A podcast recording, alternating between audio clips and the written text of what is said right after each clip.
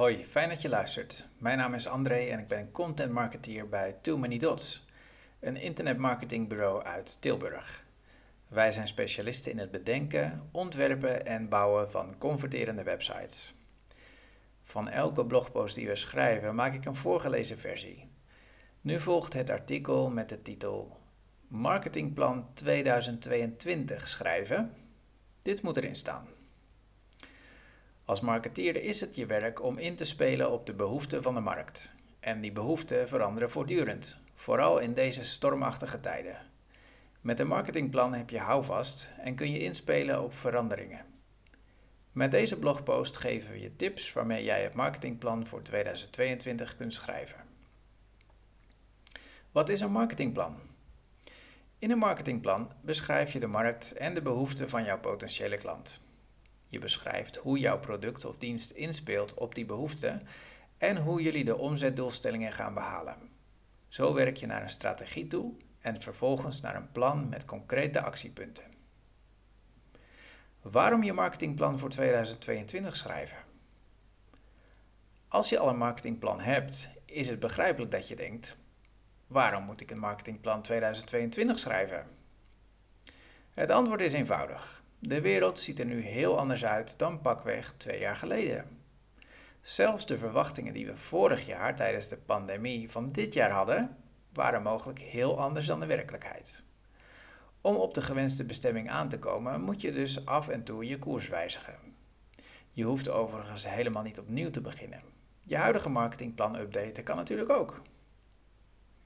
Wat staat er in een marketingplan? Een marketingplan is een raamwerk waarmee je specifieke acties inleidt.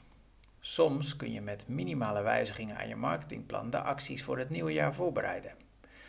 Door de gebeurtenissen van de afgelopen jaren is dat wat moeilijker. Wellicht moet je je masterplan compleet herzien. De onderstaande onderdelen mogen niet ontbreken in jouw marketingplan. Marketingdoelen. Je begint met een droom, een visie voor de lange termijn. Dit geeft je richting en stelt je in staat om doelstellingen voor de kortere termijn te maken. Dat kan bijvoorbeeld om omzet gaan, een bepaald aantal nieuwe klanten of een percentage marktaandeel, als het maar meetbare doelen zijn. De SMART-methode geeft je daarbij houvast. Specifiek, meetbaar, acceptabel, realistisch, tijdgebonden. Een voorbeeld van een marketingdoelstelling kan zijn de omzet uit de doelgroep vrouwen tussen 30 en 40 jaar met 10% verhogen in het eerste kwartaal van 2022. SWOT-analyse. Wanneer je weet wat je doelstellingen zijn, is het tijd om te kijken waar je staat. Een SWOT-analyse is daarvoor een klassiek instrument.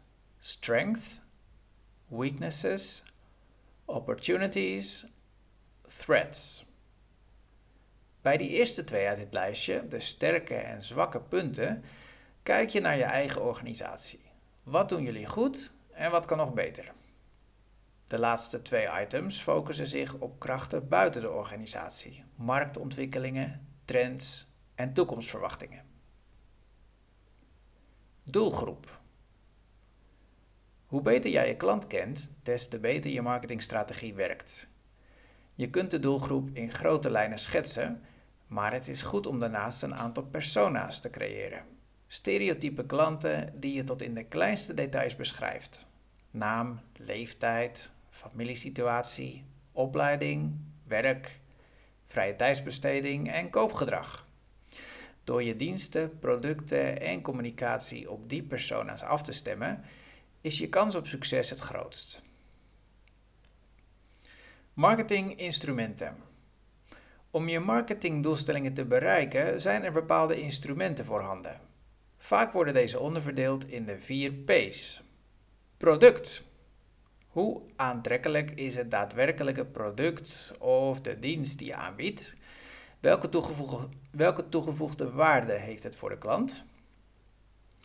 De tweede P is prijs. Welke prijs vraag je voor het product? Hoe ben je tot die prijs gekomen? Hoe verhoudt deze prijs zich tot de prijzen die concurrenten vragen?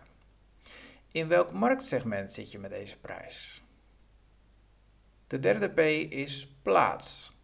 Waar is jullie product of dienst te koop? Alleen via jullie of ook via externe verkopers? Hebben jullie de ambitie om deze distributie te verbreden? En de laatste P is promotie. Hoe communiceer je de voor- en nadelen van je product of dienst? Via welke kanalen bereik je jouw doelgroep? Marketingstrategie. In dit gedeelte van je marketingplan van 2022 beschrijf je hoe je de doelstellingen gaat bereiken. Zulke strategieën zijn vooral gericht op het behalen van concurrentievoordeel. Je behaalt zo'n voordeel bijvoorbeeld door de juiste doelgroepen en marketinginstrumenten te kiezen. Zie hierboven. Marketingbudget. Om de marketingstrategie uit te voeren is er budget nodig. Je kunt de hoogte van je marketingbudget op verschillende manieren bepalen. Bijvoorbeeld door een percentage van je omzet beschikbaar te stellen of door net iets meer dan de concurrent uit te geven. De beste is de taakstellende methode. Je bepaalt welk budget je nodig hebt om een bepaalde omzet te behalen. Daarmee wordt je omzet een gevolg van je marketingactiviteiten. Operationeel marketingplan. Als je de bovenstaande items op een rij hebt, is het tijd om een operationeel marketingplan te maken. Vaak focus je je daarbij op één jaar, in dit geval dus 2022.